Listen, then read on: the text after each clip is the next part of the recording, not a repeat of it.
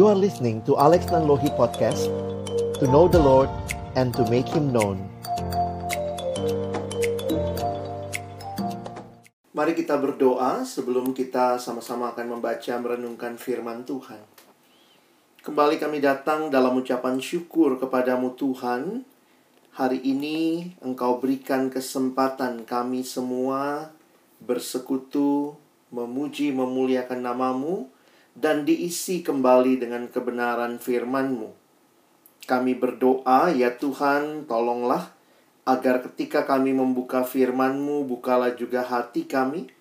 Jadikanlah hati kami seperti tanah yang baik, supaya ketika benih firman Tuhan ditaburkan boleh sungguh-sungguh berakar, bertumbuh, dan juga berbuah nyata di dalam kehidupan kami.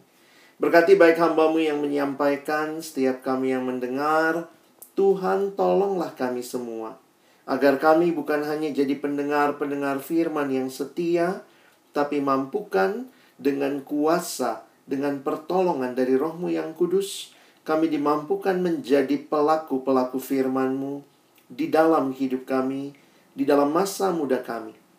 Bersabdalah ya Tuhan, kami umat-Mu sedia mendengarnya dalam satu nama yang kudus, nama yang berkuasa, nama Tuhan kami Yesus Kristus. Kami menyerahkan pemberitaan firman-Mu. Amin. Shalom, selamat siang teman-teman sekalian.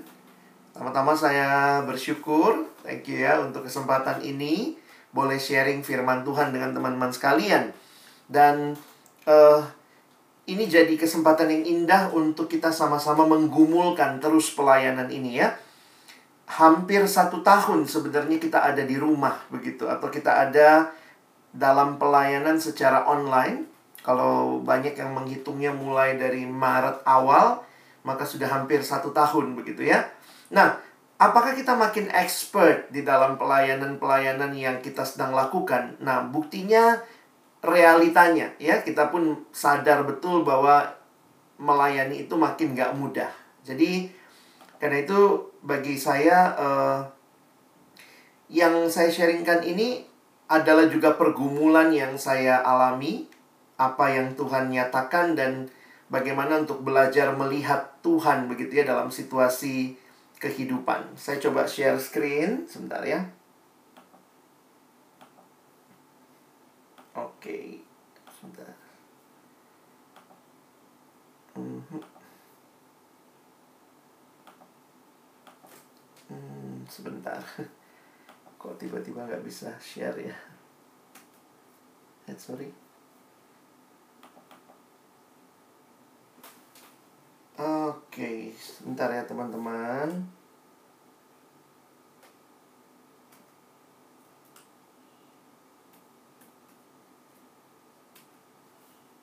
Oke. Ya.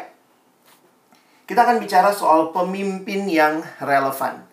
Saya berharap pembahasan ini menolong teman-teman juga untuk bisa uh, ya paling tidak sama-sama bergumul begitu ya.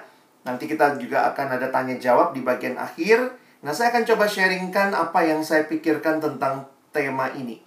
Sadar betul bahwa teman-teman adalah pemimpin pelayanan dan bagaimana di tengah situasi seperti ini tentunya teman-teman juga akan bergumul bersama gitu ya. Ada perubahan yang sangat cepat.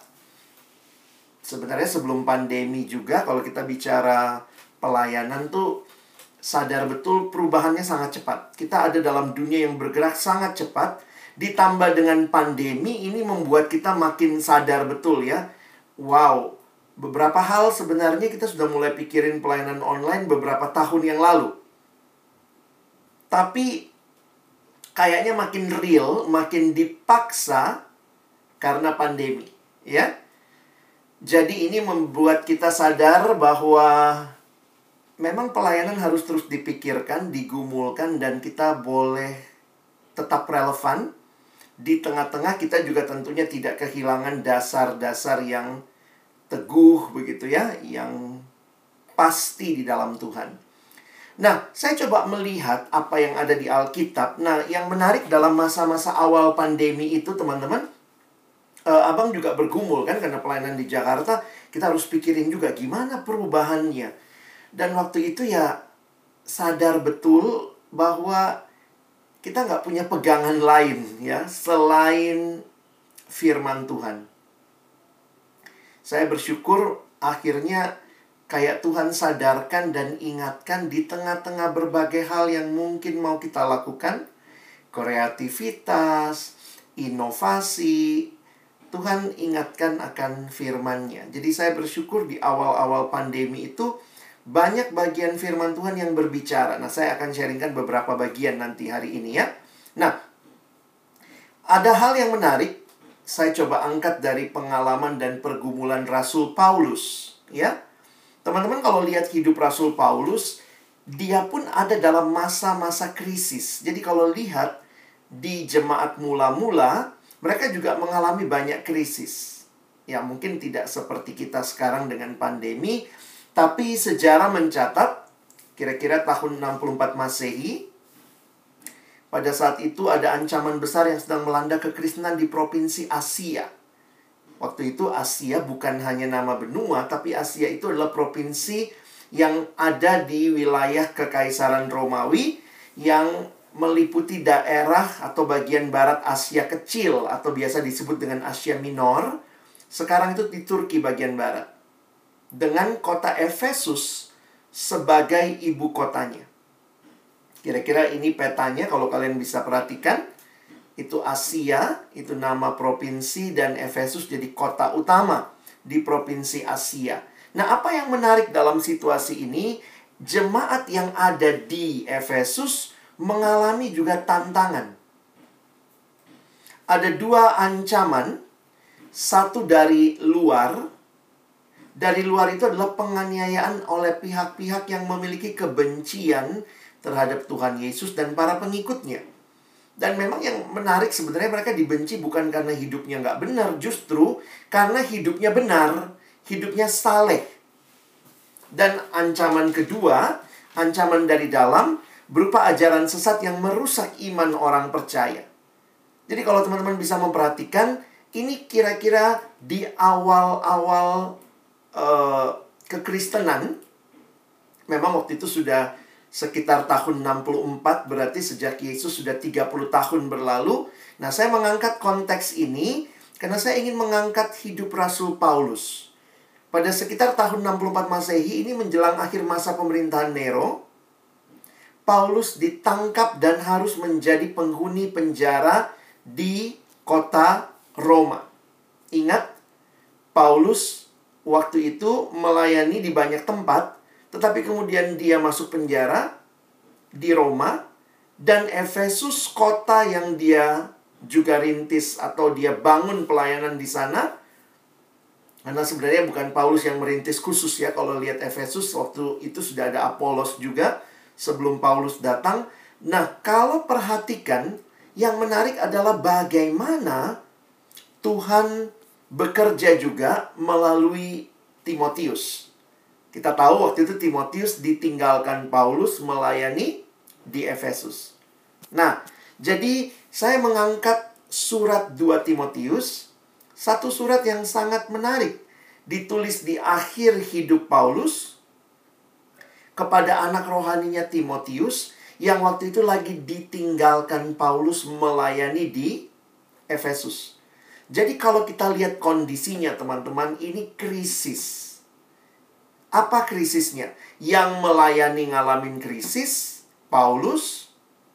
Yang nulis surat 2 Timotius, Paulusnya ngalamin krisis, ada di penjara. Dan yang disurati pun, Timotius dan jemaat Efesus ada dalam krisis.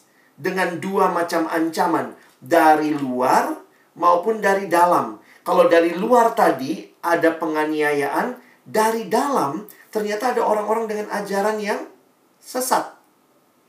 Jadi ini terhimpit luar dalam, baik yang memberitakan firman, baik yang memimpin pelayanan, krisis. Wah, di tengah krisis seperti itu, langsung terbayang sama abang gitu ya. Iya ya, kayak kita juga lagi krisis gitu ya. Tahu-tahu harus pelayanan dari rumah masing-masing, situasi juga nggak mudah, sinyal juga kadang ada kadang enggak gitu ya. Nah ini jadi menarik untuk kita memperhatikan ada krisis dalam pelayanan. Di tengah krisis seperti itu, pegangan kita apa? Apa yang menjadi conviction kita? Nah saya pikir di sinilah saya bersyukur melihat bagaimana Tuhan memberikan firman-Nya. Dua ayat yang saya angkat hari ini, 2 Timotius 4 ayat 2 dan 5. Perhatikan ayat ini. Ini bagian akhir dari surat 2 Timotius. Paulus menuliskan kepada Timotius demikian. Beritakanlah firman, siap sedialah, baik atau tidak baik waktunya. Nyatakanlah apa yang salah, tegurlah dan nasihatilah dengan segala kesabaran dan pengajaran. Ayat yang kelima, tetapi kuasailah dirimu dalam segala hal, sabarlah menderita, lakukanlah pekerjaan pemberita Injil, dan tunaikanlah tugas pelayananmu. Teman-teman, mari kita lihat sebentar mulai dari ayat yang kedua. Sebenarnya ada hal yang menarik kalau lihat di dalam ayat yang kelima ini, yang ada di screen, lakukanlah pekerjaan pemberita Injil ayat 2 tadi, Paulus katakan, beritakanlah firman. Kata beritakanlah, itu kata kunci yang menarik. Paulus mengingatkan Timotius akan identitasnya sebagai heralds of the good news. Apa artinya heralds of the good news? Sang pemberita kabar sukacita. Jadi memang saya makin sadar gitu ya. Di tengah-tengah krisis, tidak Paulus bilang begini, Timotius, tutup gereja, istirahatlah kamu. Ini situasinya sulit. Tapi justru Paulus ingatkan, tim gitu kali ya, Timotius ingat loh, kamu harus beritakan tugasmu pemberita. Heralds of the good news di tengah situasi sulit, sadarkah kita bahwa Injil itu adalah berita sukacita? Dalam kalimat bahasa Inggris dikatakan preach the word. Be prepared in season and out of season. Correct, rebuke and encourage with great patience and careful instruction. Kata preach the word dalam bahasa asli, bahasa Yunani, dipakai istilah keriso. Berarti beritakan atau proklamasikan. Nah, apa yang menarik? Mari kita perhatikan tugas ini. Jadi kalau teman-teman memperhatikan tugas sebagai sang pemberita firman yang disebut herald itu adalah orang yang secara resmi menjadi wakilnya raja.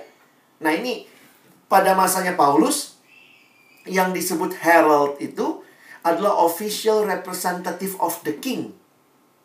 Disebut Kerox, bore the king's message to his own, not his own, to the realm of or to a specific person. Jadi bayangkan Paulus di mengingatkan Timotius, Timotius ingat, kamu adalah pemberita sama seperti raja yang punya utusan resmi beritanya pun bukan tentang dirimu Timotius, tentang berita sukacita dari sang raja ini. Jadi di dalam kaitan ini juga. Mungkin kamu bisa bilang wah Timotius pasti juga bilang sama Paulus kalau boleh protes ya. Paulus serem ini kondisinya. Ada penganiayaan dari luar ada penyesatan dari dalam tetapi Herald itu the Herald enjoyed the protection of the king as he carried out his duty. Jaminannya karena dia adalah utusan dari sang raja. Maka sang raja menjanjikan perlindungan. Sebenarnya, ketika menyakiti sang pemberita, itu membangkitkan murkanya dari sang raja yang mengutus dia. Dan ini bukan satu kali Paulus katakan di 2 Timotius 1 ayat 11 Paulus sendiri mengatakan dirinya lah pemberita Injil, pemberita firman. Dan sekarang dia meneruskan hal itu kepada anak rohaninya Timotius. Jadi saya coba simpulkan begini. Kira-kira kalau kalian tanya, Bang, apa yang abang gumulkan untuk firman Tuhan saat ini? Saya cuma mau bilang begini buat kalian pemimpin pelayanan. Saya belajar dari dua Timotius. Di tengah krisis, di tengah situasi yang tidak mudah, Paulus mengingatkan Timotius, siapa kamu? Kamu adalah pemberita, pengabar berita sukacita. Teman-teman di tengah krisis Tuhan ingatkan kepada KWK di Medan dan sekitarnya. Orang-orang yang menjadi koordinasi di kampus kamu pemberita kebenaran. Beritakanlah firman, beritakanlah Injil, itu tugasmu. Teman-teman, saya pikir ini jadi menarik ya. Bukannya disuruh stop, berhenti dulu, ngasok dulu, istirahat dulu di tengah krisis dan masih krisisnya sedang berlangsung. Paulus ingatkan Timotius, Timotius, beritakanlah firman. Ada empat ciri. Ada empat ciri yang bisa kita lihat dari proklamasi atau berita yang disampaikan. Bagaimana berita yang harus disampaikan Timotius? Pertama, diingatkan ini berita yang urgent teman-teman ya perhatikan istilah yang digunakan baik atau tidak baik waktunya bahasa Inggris menggunakan be prepared in season and out of season saya mikir-mikir kenapa ini urgent sekali teman-teman ini berita tentang hidup kekal atau binasa Mari kita punya satu penghayatan yang sama. Ini bukan cuma tugas jadi koordinasi di kampus, bukan. Ini adalah lebih jauh lagi panggilan yang penting di tengah waktu ini. Untuk teman-teman sadari, berita yang kita bawa sedang bicara hidup dan mati. Hidup kekal atau binasa. Yang kedua, beritanya adalah berita yang relevan. Nah, ini ya. Kata relevan saya cari di KBBI artinya sangkut paut atau bisa diaplikasikan. Menarik untuk memperhatikan bahwa firman Tuhan adalah sesuatu yang relevan. Betul, firman Tuhan diberikan dalam konteks dalam kekekalan, tetapi Tuhan berbicara juga di dalam konteks setiap orang. Jadi kita bisa berharap sama seperti gambar itu ya. Firman itu sampai ke setiap orang sesuai dengan bagiannya. Perhatikan istilah yang Paulus pakai tentang relevan ini. Ada tiga istilah yang dia pakai. Correct, rebuke, sama encourage. Kalau kalian lihat bahasa Indonesia-nya, siap sedialah, beritakanlah firman baik atau tidak waktunya, nyatakanlah apa yang salah, jadi ada kemungkinan berbagai kondisi. Jadi Paulus tuh relevan ya. Kalau orang ini masalahnya dia kayaknya nggak ngerti ajaran yang benar, ayo koreksi dia. Kalau dia udah jatuh dalam dosa, rebuke dia. Nyatakan kesalahannya. Nggak benar hidup kayak begitu. Kalau dia lagi lemes, lagi lesu, kurang kehilangan harapan, ayo encourage. Jadi saya makin melihat firman itu relevan, teman-teman. Kalau kita bicara relevan adalah apa yang kekal itu di, bisa disampaikan dan menjawab kebutuhan di dalam setiap pergumulan setiap individu. Yang berikutnya, ini juga sebuah proklamasi, sebuah pemberitaan yang menuntut kesabaran. Kenapa, teman-teman? Karena ya namanya bicara sama manusia berdosa ya. Makanya Paulus bilang dengan segala kesabaran. Indonesia menggunakan istilah segala, tapi Inggrisnya menggunakan with great patience. Teman-teman, kamu kontak anaknya nggak respon, kamu give up nggak? Saya udah tiga kali kontak, Kak. Oh, baru tiga kali. Sabar ya. Mungkin butuh enam bulan baru respon. Tapi masih mau kontak nggak?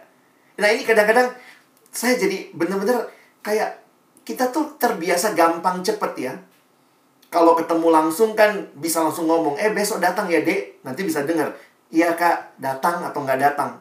Ini sudah dikontak, sudah diajak, sudah mau satu tahun, kok tiba-tiba menghilang? Wow. Masihkah kita belajar sabar ya? Jadi, saya lagi berpikir situasi krisis kita diingatkan. Jangan berhenti beritain firman yang perlu ditambah buat kita semua. Buat saya, buat teman-teman. Yuk, tambah sabar ya. Ini tambah gak mudah ya. Kita mungkin di sinilah jadi sadar betapa kita sering kali tidak menghargai waktu bisa ketemu langsung ya. Begitu nggak bisa ketemu langsung, kita jadi nggak tahu gimana kondisinya. Dia nggak respon, dia nggak bales. Saya beberapa kali nanya sama pengurus persekutuan di Jakarta ya. Iya kak, lagi demotivasi nih, lagi demot katanya. Habis masa kita kontak dia nggak bales kak? Oh gitu, kamu udah berapa kali kontak? Udah tiga kali kak. Saya kalau ingat Paulus ya, Ya baru tiga kali udah give up. Paulus waktu itu kirim surat teman-teman ya. Bayangkan belum ada WA, belum ada email, belum ada apa-apa. Dia kirim surat, dia kirim sampai di sana dan kemudian nanti orangnya bales. Itu mungkin bisa setahun baru orang itu bales gitu ya. Dengan kondisi ngirim surat tuh nggak mudah dan segala macem. We need more patience. Jangan merasa sudah berkorban luar biasa ya. Masa pandemi sebenarnya kita ditantang. Masih mau lebih sabar nggak? ya termasuk mikirin program kadang-kadang kan jadi bingung ya mau bikin program apa kalau orang yang nggak respon ya dan ini juga proklamasi yang menuntut intelijen. Maksudnya apa? Perhatikan kalimat yang digunakan. Paulus menggunakan istilah careful instruction. Sebenarnya di sini menunjukkan bahwa penting juga untuk belajar mendalam. Jadi tetap teman-teman ya. Jangan kalau krisis jadi kayaknya kita cuma beritakan sesuatu yang di permukaan saja. Careful instruction mengingatkan kita bahwa ini adalah sesuatu yang perlu dipikirkan dengan mendalam. Jadi, ini jadi kerinduan kita. Nah, gabungkanlah ini, saya pinjam kesimpulannya John Stott untuk tafsirannya atas ayat ini. Ini kalimat John Stott. Such is Paul's charge to Timothy. Inilah tugas yang diberikan Paulus kepada Timotius. Timotius harus memberitakan firman dan dia harus memberitakan pesan ilahi. Ya. As he announces the God's given message to be urgent in his approach. Ini perlu urgensi karena ini masalah hidup mati. Relevan dalam aplikasinya. Sabar di dalam karakternya dan tetap dipresentasikan dengan intelijen dengan maksud dipikirkan secara mendalam. Wah, teman-teman, ayat ini baru ayat ini aja indah banget ya. Saya belajar ayat ini jadi makanya teman-teman waktu belajar ayat ini, ini yang menyemangati saya. Akhirnya saya sadar semangat itu bukan dari situasi karena situasi belum berubah. Udah sekian lama belum berubah apa yang selama ini saya yakini ternyata dari firman itulah yang jadi sumber kekuatan. Kayak Tuhan ingatkan, kamu gak ada apa-apanya dibanding Paulus. Yuk lebih sabar. Ayo lebih relevan, pikir. Di ayat yang kelima, ini bicara tentang diri sang pemberita. Kuasai dirimu, sabarlah menderita, ditambah lagi ya. Bukan cuma sabar aja, sabar menderita Lakukan pekerjaan pemberita Injil dan tunaikan tugas pelayananmu. Perhatikan tuh kalau digali luar biasa ya. Jadi kalau kalian perhatikan ini yang mesti terjadi. Beritakanlah firman pada segala kesempatan dengan dalam segala kebenaran dengan segala usaha. Nah, ini yang kita rindukan terjadi. Lalu apalagi yang saya coba pikirkan Paulus di tengah situasi krisis kalau lihat strategi pelayanan Paulus menarik. Paulus tinggal di Efesus kira-kira dua tahun. Tapi perhatikan, apa yang terjadi? Dia tinggal di Efesus dua tahun. Lihat catatan di kisah Rasul 19. Kalimatnya apa? Setiap hari berbicara di ruang kuliah Tiranus. Dan itu dilakukan dua tahun lamanya sehingga semua penduduk Asia mendengar firman Tuhan baik orang Yahudi maupun orang Yunani. Teman-teman maksudnya apa? Paulus tinggal di Efesus dan karena dia pilih lokasi yang strategis, bayangkan, itu seluruh Asia dengar firman. Nah ini menarik juga. Paulus tidak keliling ke semua tempat di Asia, ada beberapa yang dia datangi, tapi most of his time dia tinggal di Efesus dia buka kelas di ruang kuliah Tiranus dan dua tahun dia lakukan dengan setia, Alkitab mencatat seluruh Asia mendengar Injil, mendengar firman. Maksudnya apa? Tentu agak berlebihan ya seluruh. Maksudnya ya. Tapi Paulus planning strategis teman-teman. Dalam krisis tidak semua hal harus kita lakukan, benar nggak? Kalian bisa lihat kan, ada hal yang penting, ada hal yang nggak penting. Dulu yang penting itu apa? Kumpul di sekretariat, latihan, gladi resik, berjam-jam. Kemudian, nah sekarang kan nggak, jadi kita jadi sadar, itu sebenarnya nggak penting-penting amat kan. Yang dulu kita anggap penting, itu nggak terlalu penting sebenarnya. Kalau lagi online begini, lagu satu dua langsung firman kan. Jadi sebenarnya kita jadi sadar juga, ada banyak hal yang jangan dipertahankan karena lagi krisis. Nggak mesti semua dilakukan seperti biasanya. Nah, jadi teman-teman saya jadi sadar ya. Nggak tahu nih, krisis itu membuat kalian hanya memindahkan yang offline ke online atau ada perubahan? Nah, kalau ada yang ada perubahan, apanya yang berubah? Jadi, teman-teman lihat ya. Yang pertama, keyakinan saya dari firman kita harus terus beritakan firman. Dan firman Tuhan itu relevan. Itu kebutuhan yang didengar saat ini. Yang kedua, pikir baik-baik mana yang dibuang, mana yang dipertahankan. Jangan tidak strategis pelayananmu. Kenapa? Ini semua berubah. Paulus jelas, dia cuma tinggal di Efesus. Efesus itu kota pelabuhan. Jadi orang kalau dari dari pedalaman mau kirim barang mesti ke Efesus. Nah waktu itu kan kapal nggak kayak sekarang ada jadwalnya tanggal segini masuk kapal ini.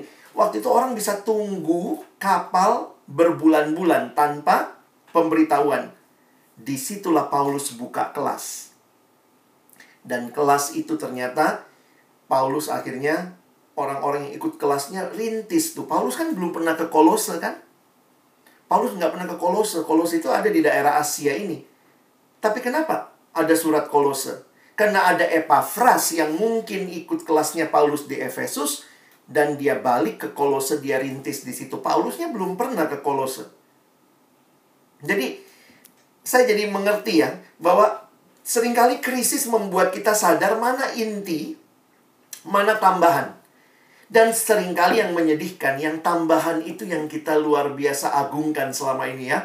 Latihan di sekretariat berjam-jam, mulai dari Uh, latihan gladi, tangannya, kata-katanya, lagunya, musiknya kita evaluasi begitu rupa. Ternyata kan nggak penting-penting amat. Saya bukan mengatakan itu nggak penting sama sekali, tapi harus kita memilih dan memilah. Jadi kalau kalian pertahankan model seperti itu dengan online, you miss the point. Yang penting kan firman diberitakan, lalu orang bisa paham. Kita nggak bisa terlalu lama dengan lagu dan segala macam. Kita bahkan yang jadi bagi saya jadi membuat banyak kampus kalau dulu dikasih tahu kan jangan kelamaan lah latihan begitu-begitu. Apa sih bang susah begini? Sekarang nah kalian yang memilih lah. Konsumsi penting nggak? Ternyata nggak penting-penting amat ya. Banyak Natal kampus kemarin nggak ada konsumsi. Yang paling penting kan ada firman. Iya, itu yang paling penting ternyata ya. Jadi tanpa konsumsi pun kita bisa beribadah. Sementara selama ini kita bisa repot dengan konsumsi tes food. Ada hal-hal yang esensi nggak esensi. Nah, jangan sampai sudah lewati krisis nggak berubah juga kita. Masih jugulisme, ya. Masih jugul karena punya keyakinan-keyakinan yang nggak esensi itu. Kita suka berantemin yang nggak esensi. Tapi ya kalau nggak ada krisis rasanya semua berjalan sebagaimana mestinya. Begitu ada krisis kita baru lihat. Tuh kan, ini nggak penting-penting amat gitu ya. Nah, terakhir yang saya bayangkan, Paulus tuh kreatif teman-teman. Kenapa? Dia dalam penjara loh. Kalau kita gara-gara COVID, kita ada di dalam rumah, kita ada di karantina lah istilahnya gitu ya banyak orang begitu di karantina langsung hilang semua motivasinya hilang, semangatnya hilang, kreativitasnya hilang. Paulus dari dalam penjara, saya jadi kagum loh. Paulus nulis surat dan sebagian besar suratnya itu dia tulis dari dalam penjara. Kenapa? Karena penjara tidak membatasi Paulus. Hatinya buat jemaat. Kalau kalian jadi pengurus hatimu buat jemaat, di karantina pun kau akan pikir cara. Paulus pikirnya apa? Dia nulis surat. Teman-teman ingat ya, buat kita sekarang nulis surat tuh gampang. Tinggal cari kertas, nulis. Di zaman Paulus, nggak gampang loh punya kertas. Jadi bagi saya itu pasti Paulus mesti berusaha. Dari dalam penjara, entah bagaimana lah usahanya dia minta orang beliin atau bantu dia tulis dan segala macam jadi dari dalam penjara dia berjuang. Kenapa? Kasihnya sama jemaat. Jadi kalau orang bilang nggak pernah ketemu sama orangnya gimana komunikasinya bang? Saya nggak pernah kontak anaknya. Beberapa kan adik kelompok kecil angkatan 2020 tuh kita nggak pernah ketemu kan? Ya nggak apa-apa juga. Emang kenapa? Paulus nggak pernah ke Roma. Dia tulis kitab Roma. Paulus nggak pernah ke Kolose, dia tulis surat Kolose. Jadi ini kan masalahnya bukan di situasinya. Jangan pakai alasan aduh situasinya. Kalau kamu betul-betul menyadari ini panggilan Tuhan untukmu, berjuang. Pakai teknologi, Paulus pakai kertas, teknologi masa itu. Kita kan banyak bisa pakai HP dan segala macam. Jadi sampai Paulus bisa bersaksi gini ya.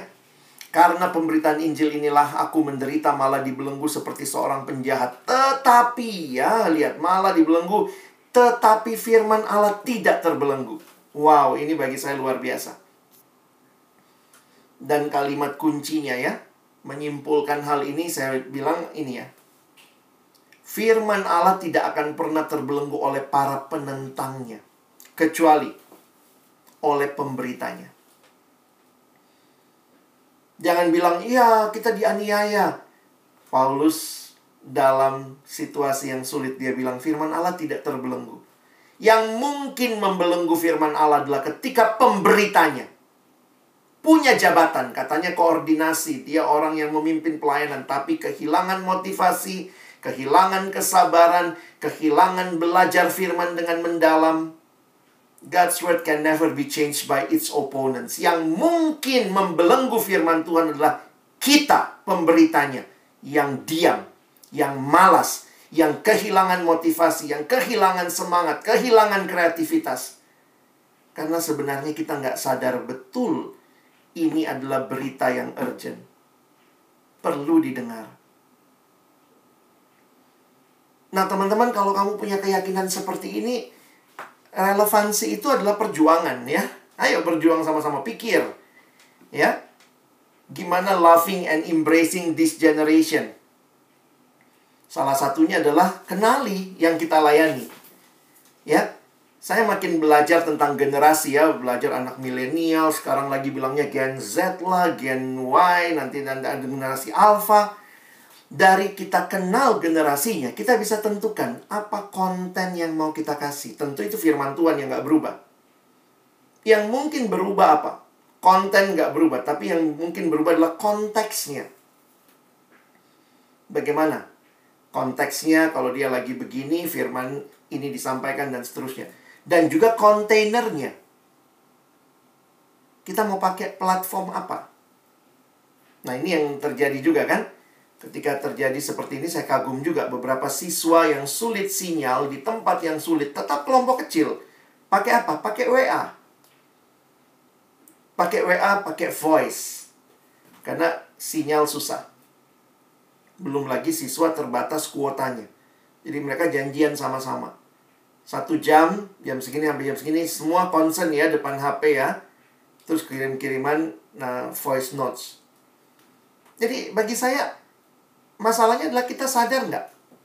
Apa yang terjadi, apa yang kita punya, dan terus bertumbuh. Jadi kita kenal nih, siapa generasinya. Ini generasi yang katanya dibilang epic generation. Senangnya pengalaman, berpartisipasi. Jadi ya bukan cuma satu arah di drive oleh image, image driven dan generasi yang senang terhubung. Jadi saya lagi berpikir gitu ya. Kalau kita sadar ini yang kita layani ini generasi yang epic, makanya anak sekarang tuh lebih senang nonton YouTube daripada baca buku kali ya. Lebih senang untuk lihat Instagram ketimbang baca buku. Kalau gitu ya kita pindahkan aja bukunya ke Instagram. Kenapa nggak bisa? Bisa kan dilakukan seperti itu.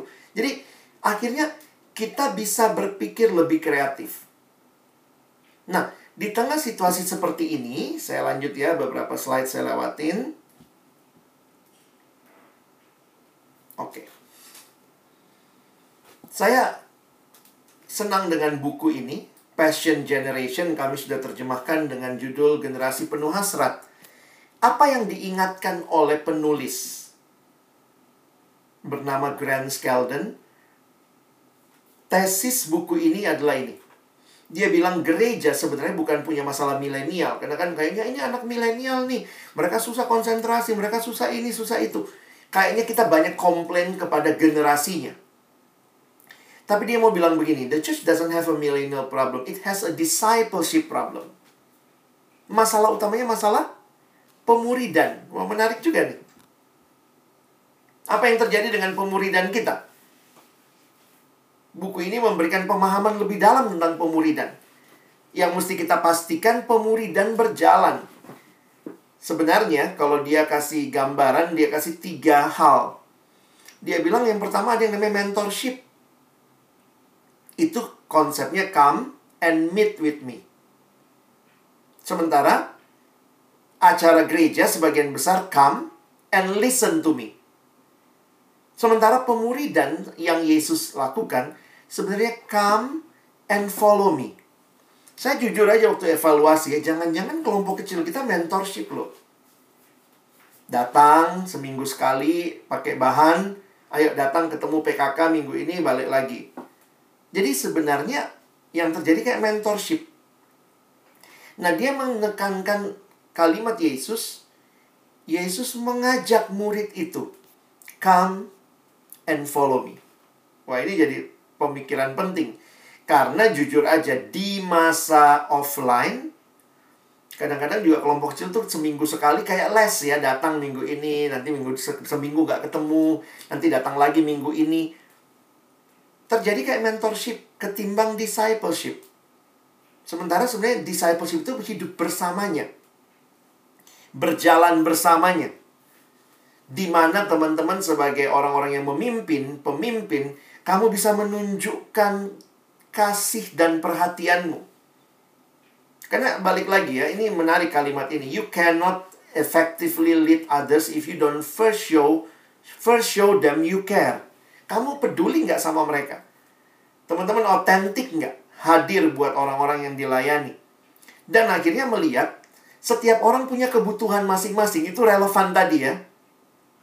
Kalau dulu itu one size fit all. Nah ini kalau kita bicara metode pelayanan ya. Orang modern dia kasih semua all size. Pernah nggak retret dikasih baju all size? Yang badannya gede, bajunya kekecilan. Yang badannya kecil, bajunya kegedean.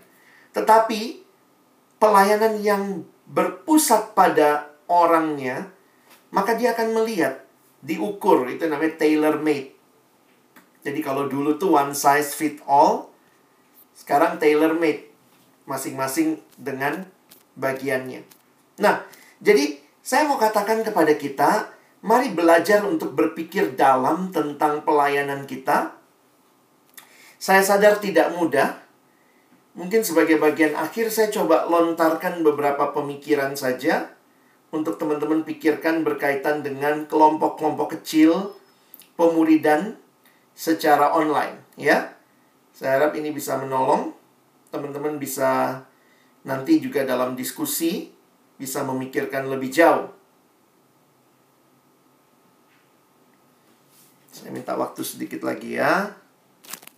Oke, masih ada waktu saya sebelum kita tanya jawab.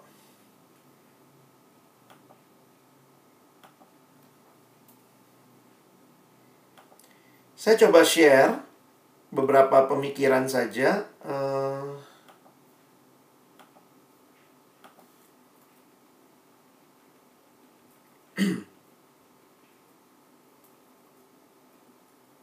nah.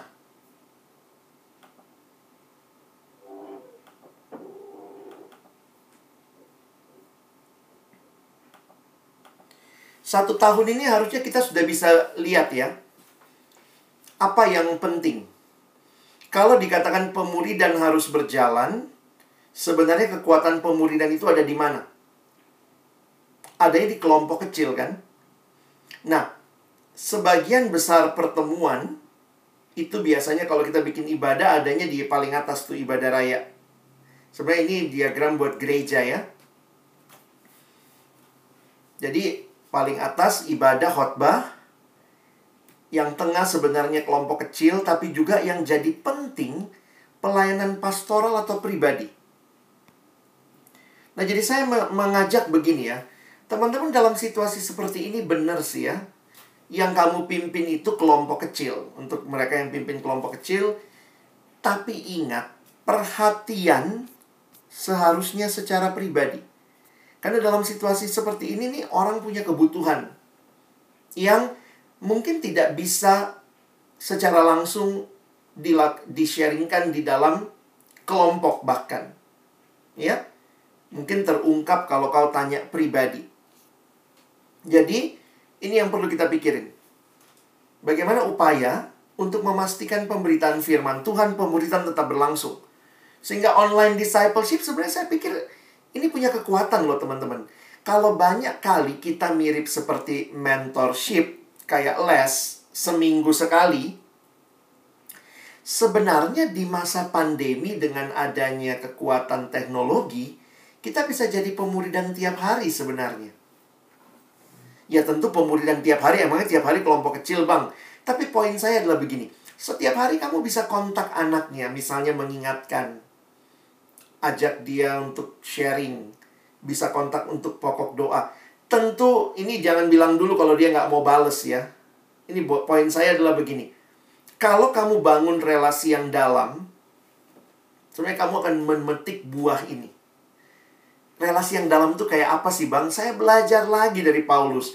Dia nggak ketemu jemaat. Apa yang dia lakukan? Yang membuat Paulus menikmati relasi dengan jemaat yang bahkan nggak ngontak dia langsung adalah karena dia doa buat mereka. Ingat ini. Jujur di sinilah saya pikir ya kita sebagai pengurus ya koordinasi ya pakai lututmu untuk menggerakkan orang. Jadi bukan kontakmu saja. Tapi apakah kamu berlutut bertelut seperti Paulus bilang aku mengingat kamu senantiasa di dalam doaku. Saya belajar F, uh, kitab uh, Filipi, Paulus di penjara, dia bilang dia berdoa bagi mereka setiap hari. Baca surat 2 Timotius, Paulus bilang setiap kali aku ingat akan air matamu, aku terkenang akan engkau. Saya pikir gini loh, kita bukan sekedar gerakan orang pakai WA, SMS. Saya udah WA kok, nggak dibales. Nah, ini ini jadi pengingat penting nih. Kita berdoa nggak? Mungkin lebih banyak waktu kita pakai buat doa kalau online ya udah mahal kuota pakailah buat doa ketimbang rapat belajar menggerakkan orang lewat doa. Dia nggak bales, doain. Dia nggak bales, lebih kenceng doain. Berseru sama Tuhan, Tuhan jagai dia. Kalau kita nggak punya hati buat jemaat, saya pikir walaupun dia balas WA, kalau nggak nggak nggak benar-benar kita punya hati untuk dia, itu cuman ya cuma tugas pengurus lah ya. Ya pengurus harus kontak, nggak dibales, komplain gitu ya. Tapi ini pertanyaan penting, kita doain nggak? Fokus kita bukan program kita berlangsung. Saya seksi kelompok kecil, saya seksi pemerhati. Bagi saya, buanglah dulu itu jauh-jauh. Jadilah, jadilah dirimu pemberita Injil. Yang dengan kesabaran sehingga fokusmu adalah bukan programmu berlangsung saja. Supaya nanti kalau laporan ada laporan seksinya saya, divisi saya enggak. Apakah ada pria dan wanita, orang-orang yang jadi jemaat yang kau layani, ada di hatimu? Lalu ya, ini lebih praktis ya. Pakai berbagai media yang ada. Saya mikir gini loh, bagaimana pelayanan kita juga saat ini ketika banyak orang misalnya aksesnya Instagram, apa yang kita lakukan dengan Instagram PMK kita? Isinya cuma warta. Isinya cuma datanglah persekutuan minggu depan. Bisa teman-teman pakai media itu untuk menyampaikan sesuatu. Ada yang nanya, terus gimana bang? Ya bikinlah program. Kalau nggak ada seksi media, ya mungkin bentuk tim Bagaimana timnya? Ya kan sekarang admin admin Instagram bisa 2-3 orang kasih akses. Lalu apa yang diposting? Postinglah sesuatu yang bisa menolong juga membangun pemuridan. Saya suka mikir gini. Misalnya nih ya, kita lagi kelompok kecil sekarang tentang lagi bahas doa, MHB lagi bahas doa misalnya. Ya bikinlah postingan di di Instagram PM kamu tentang doa misalnya.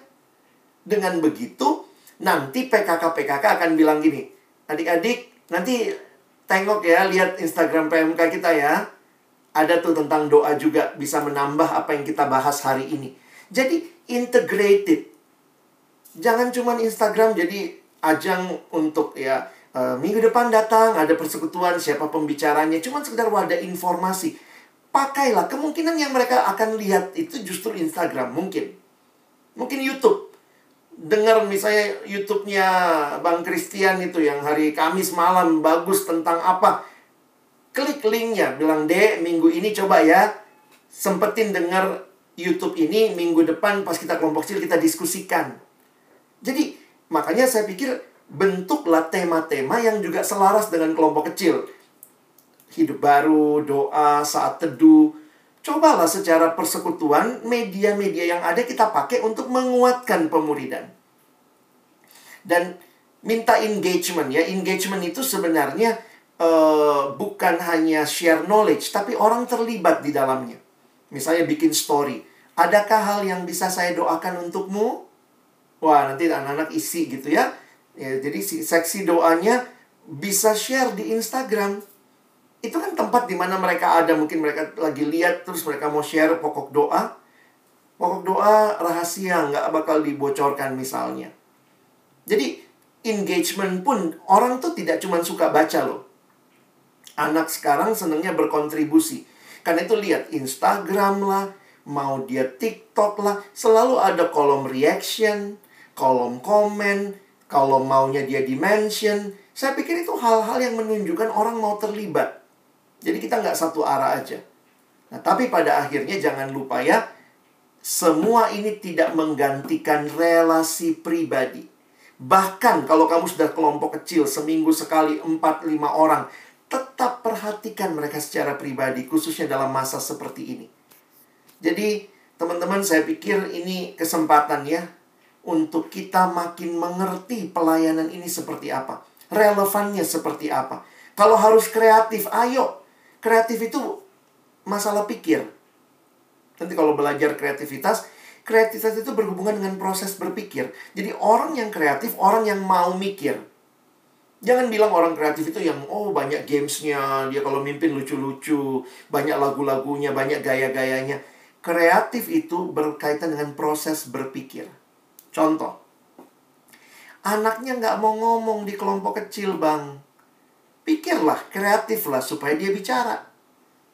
Nah, caramu mikir supaya dia bicara, Itulah kreativitas. Seorang PKK bilang, aduh paling susah kalau ditanya, ada yang mau sharing? Diam semua. Saya bilang, apa yang kau lakukan? Saya kasih aja emoticon bang. Lihat emoticon ini. Mana yang paling mirip dirimu? yang nomor ini bang ada emot misalnya yang satu senyum senyum satu sedih dia suruh pilih emot abis dia pilih emot kemudian coba cerita kenapa itu yang kau pilih? Sama kan?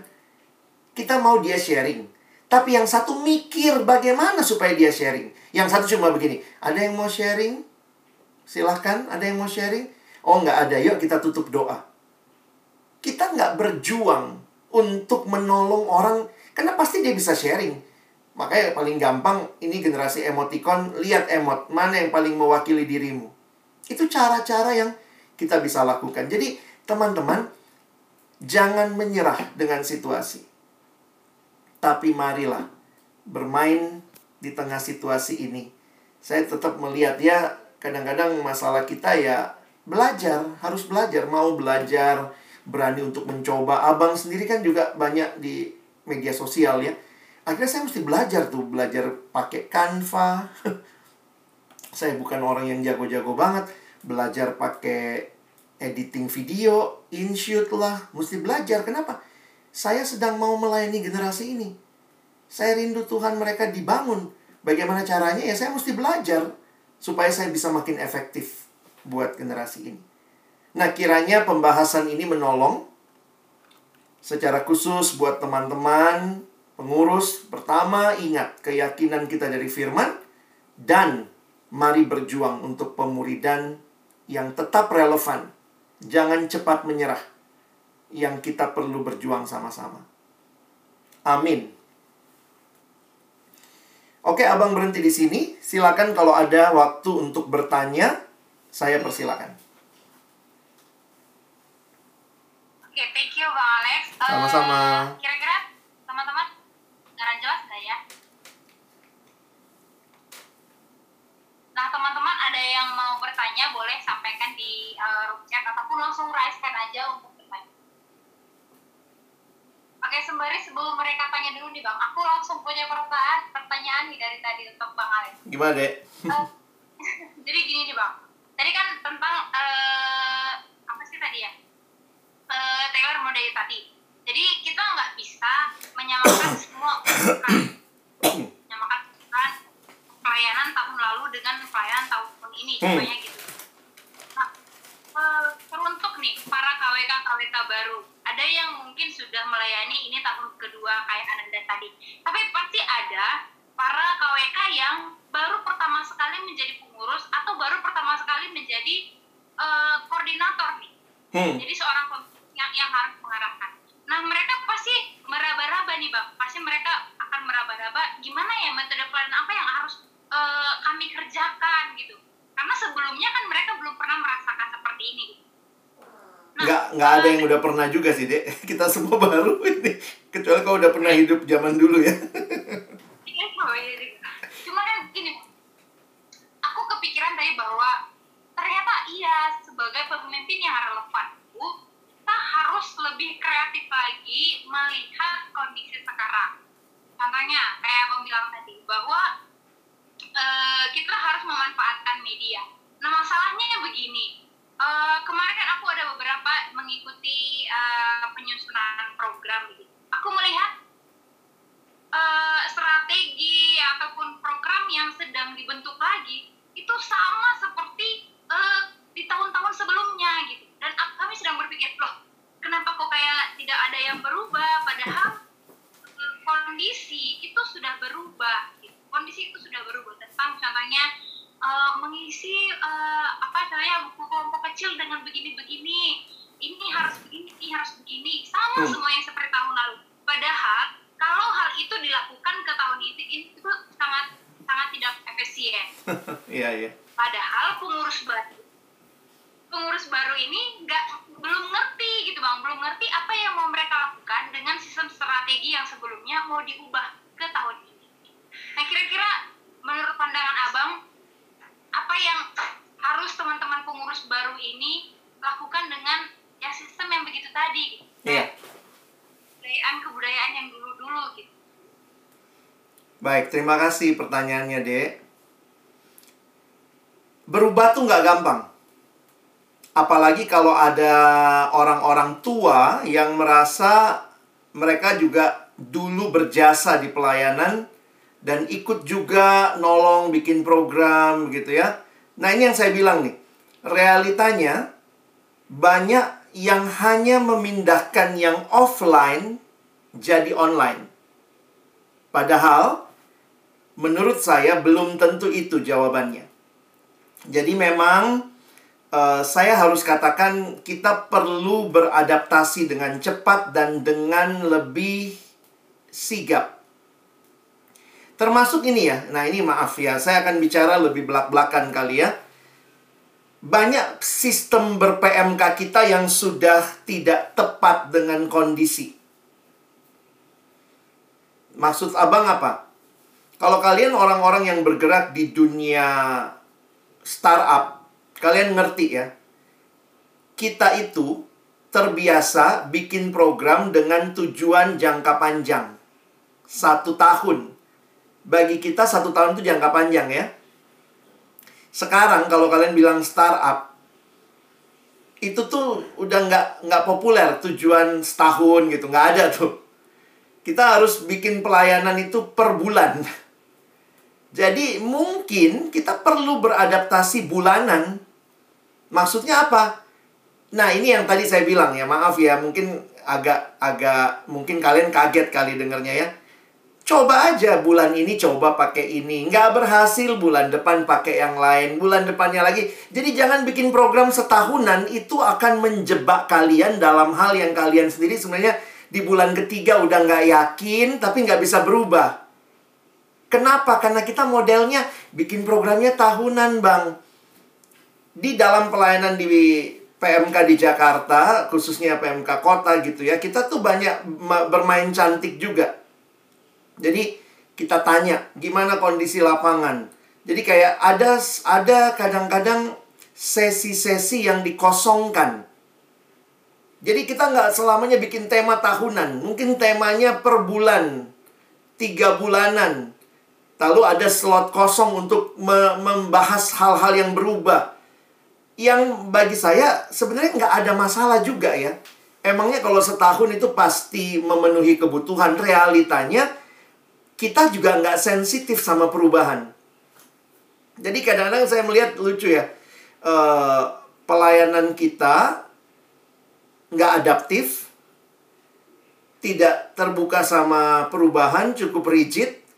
Nah, tapi di sisi lain ada yang protes. Nanti kalau fluid banget, kayaknya cair banget ya, nggak ada jangka panjang, nggak ada apa. Tapi poin saya adalah begini, kita terus-menerus berpikir gimana menjangkau generasi ini. Jadi kalau udah nggak pas, langsung aja bikin rapat evaluasi ganti, coba misalnya. Nah ini yang saya nggak tahu nih. Uh, jujur aja saya juga sadar di banyak pelayanan mahasiswa di berbagai kota, kita tuh masih terbiasa jangka panjang dan kayaknya itu rigid. Kalau udah ditentukan, diketok palu, dimusyawarahkan, dipresentasiin depan alumni, udah nggak boleh berubah. Ketinggalan zaman pelayanan kayak begitu. Kalian hanya melayani programmu. Makanya kalau kalian ngerti yang abang bilang tadi, orientasi sama orang yang dilayani. Jadi, ya ini kami lagi bergumul ya. Trennya di Jakarta, menurun angka kelompok kecil. Persekutuan Jumat, kan ada persekutuan hari Jumat ya, itu tuh awal-awal kan banyak tuh booming ya. Karena kayaknya semua pada mau taruh, ih gimana sih kebaktian online? Dan itu yang biasanya datang anak baru. Kalian lihat tuh trennya. Anak baru datang, nah tapi tiba-tiba 6 bulan kemudian menurun nih. Jadi sekarang yang menarik di Jakarta, kami kemarin diskusi dengan staff, kelompok kecil pertemuannya nggak rutin. Susah banget dapat kelompok yang rutin. Lalu persekutuan besar menurun cukup drastis di semester kedua. Tapi yang menarik, persekutuan doa meningkat. Kebaktian doa. Nah, waktu dicari tahu ternyata di kebaktian doa itu ada breakout roomnya. Orang kemudian bisa share sama orang lain. Ternyata itu yang dibutuhkan. Nah, kami sense-nya itu. Jadi akhirnya kita lagi coba mikir nih, kita mau berubah nggak ya? Kebaktian besar yang kita buat itu nggak ada breakout room, orang datang dengar satu arah. Matiin kamera lagi, dia nggak tahu yang satu lagi ngapain. Terus kadang-kadang akhirnya dia pikir gini, daripada saya datang lalu keluar di tengah, ya udah mendingan sekalian nggak usah datang. Di kontak, datang kebaktian ya, males ah, cuman dengerin pembicara, kita denger lagu-lagu, nggak ada interaksi. Kelompok kecil Beberapa PKK persis sama mimpin kelompok kecilnya online sama offline. Banyakan dia yang ngomong. Adiknya dengar semua, matiin cam. Oke ya, saya jelaskan ya. Abangnya yang ngomong, kakaknya yang ngomong. Akhirnya orang malas juga kelompok kecil. Nah ini yang kami baca di Jakarta. Kebaktian doa yang ada breakout room. Orang bisa ngobrol itu meningkat sekitar 20% yang hadir. Jadi kami lagi berpikir nih, gimana nih?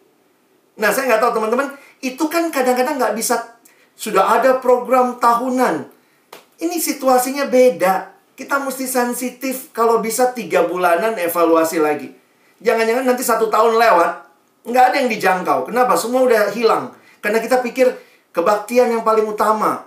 Pembicara, cari topik yang bagus. Latihan MC berkali-kali. Itu nggak yang sedang dilayani. Nangkap maksud abang ya? Jadi, kalau memang di kalian masih itu yang membuat orang datang, maksimalkan. Tapi kalau tidak, mesti berubah. Dan perubahannya itu bukan tahunan. Tahunan udah lewat. Tahun depan nggak ada lagi mahasiswa ikut kebaktianmu nanti. Nah, itu kira-kira uh, masukan saya. Yang saya katakan, ini yang paling sulit berubah justru persekutuan. Startup, kalau kalian nonton orang-orang startup itu berubahnya tuh nggak ada tujuan jangka panjang. Poinnya adalah beritakan firman. Itulah tujuan jangka panjangnya. Bagaimana caranya evaluasi. Bulan ini Instagram. Bulan depan kayaknya coba bikin ini. Coba bikin ini. Itu semua harus kreatif. Sorry kalau itu mungkin membuat kalian jadi bingung ya. Tapi kira-kira begitu masukan saya. Oke, thank you Bang Alex. Wah, aku jadinya kepik langsung kepikiran. Waduh, kami bakalan buat program nih kayaknya uh, bulan ini ini nih bulan Nggak ini. usah banyak bikin program deh. Banyak berdoa aja lah. Kalau kumpul-kumpul doa, kumpul-kumpul doa gitu ya. Programnya spontan-spontan aja.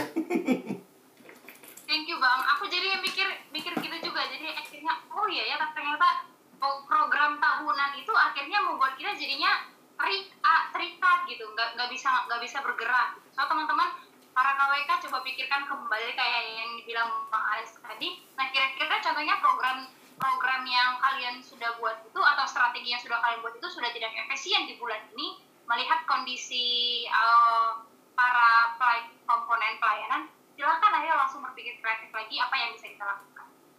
So aduh dapat solusi banget nggak sih kalian ini hari ini dari bang Alex ada lagi teman-teman yang mau bertanya tentang menjadi seorang pemimpin yang relevan yang akan mengerjakan pelayanan di masa pandemi ini. Shalom teman-teman. Ada yang mau bertanya? Atau langsung uh, resen aja kalau mau langsung bertanya. Ayo, mari kita berdoa.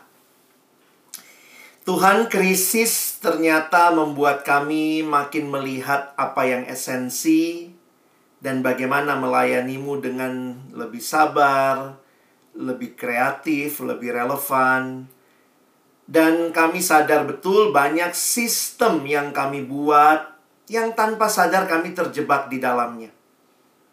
Kami tidak mau melayani sistem, kami mau melayani jemaat Tuhan, mahasiswa-mahasiswi yang kami rindukan hidupnya bertemu dengan Tuhan.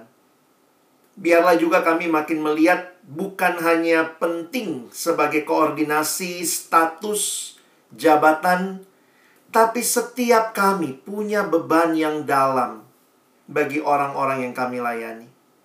Tuhan, terima kasih krisis ini mengingatkan kami, kami melayani Tuhan, bukan melayani struktur. Kami melayani jemaat pria dan wanita, mahasiswa dan mahasiswi, bukan melayani program. Dan karena itu kami rindu berikan beban yang dalam itu terus bagi kami. Sehingga dalam krisis ini kami tidak tenggelam. Tetapi kami justru makin tampil melayani Tuhan dan jemaatmu dengan baik. Kerinduan kami supaya generasi ini juga berjumpa dengan Tuhan secara pribadi. Tolong segala program yang akan kami susun, kami buat. Bukan membuat kami terjebak, bukan membuat kami rigid, bukan membuat kami tidak fleksibel, tetapi menjadi alat dan sarana yang makin efektif untuk membawa orang datang mengenal Tuhan dan bertumbuh di dalam Tuhan. Berkati waktu diskusi dalam breakout room, agar kiranya juga jadi kesempatan kami boleh share, bahkan lebih banyak berdoa untuk orang-orang yang kami layani. Mereka yang tidak balas chat kami, mereka yang tidak respon publikasi pengumuman kami. Tapi biarlah kami mendoakan dan merindukan mereka terus boleh mengenal Tuhan. Terima kasih kami bersyukur dalam nama Yesus kami menutup sesi kami. Amin.